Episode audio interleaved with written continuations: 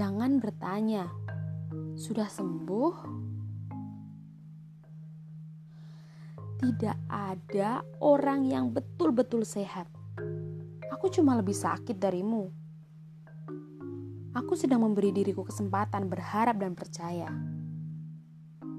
Jangan suruh aku menyerahkan diri ke rumah sakit. Aku tidak akan mengunjungi tempat itu sebelum mereka tahu bahwa tidak ada orang yang betul-betul miskin hingga tidak punya rumah. Ada orang memilih membangun rumah di mimpi mereka agar kuku-kuku negara tidak bisa menyentuhnya. Biarkan ku nikmati penyakit yang menghisap jiwaku.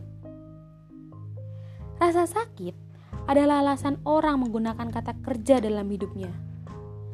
Mencintai dan menunggu misalnya. Jika aku sakit, tersenyumlah. Tidak ada yang cukup di dunia ini. Tapi senyuman tidak pernah kurang.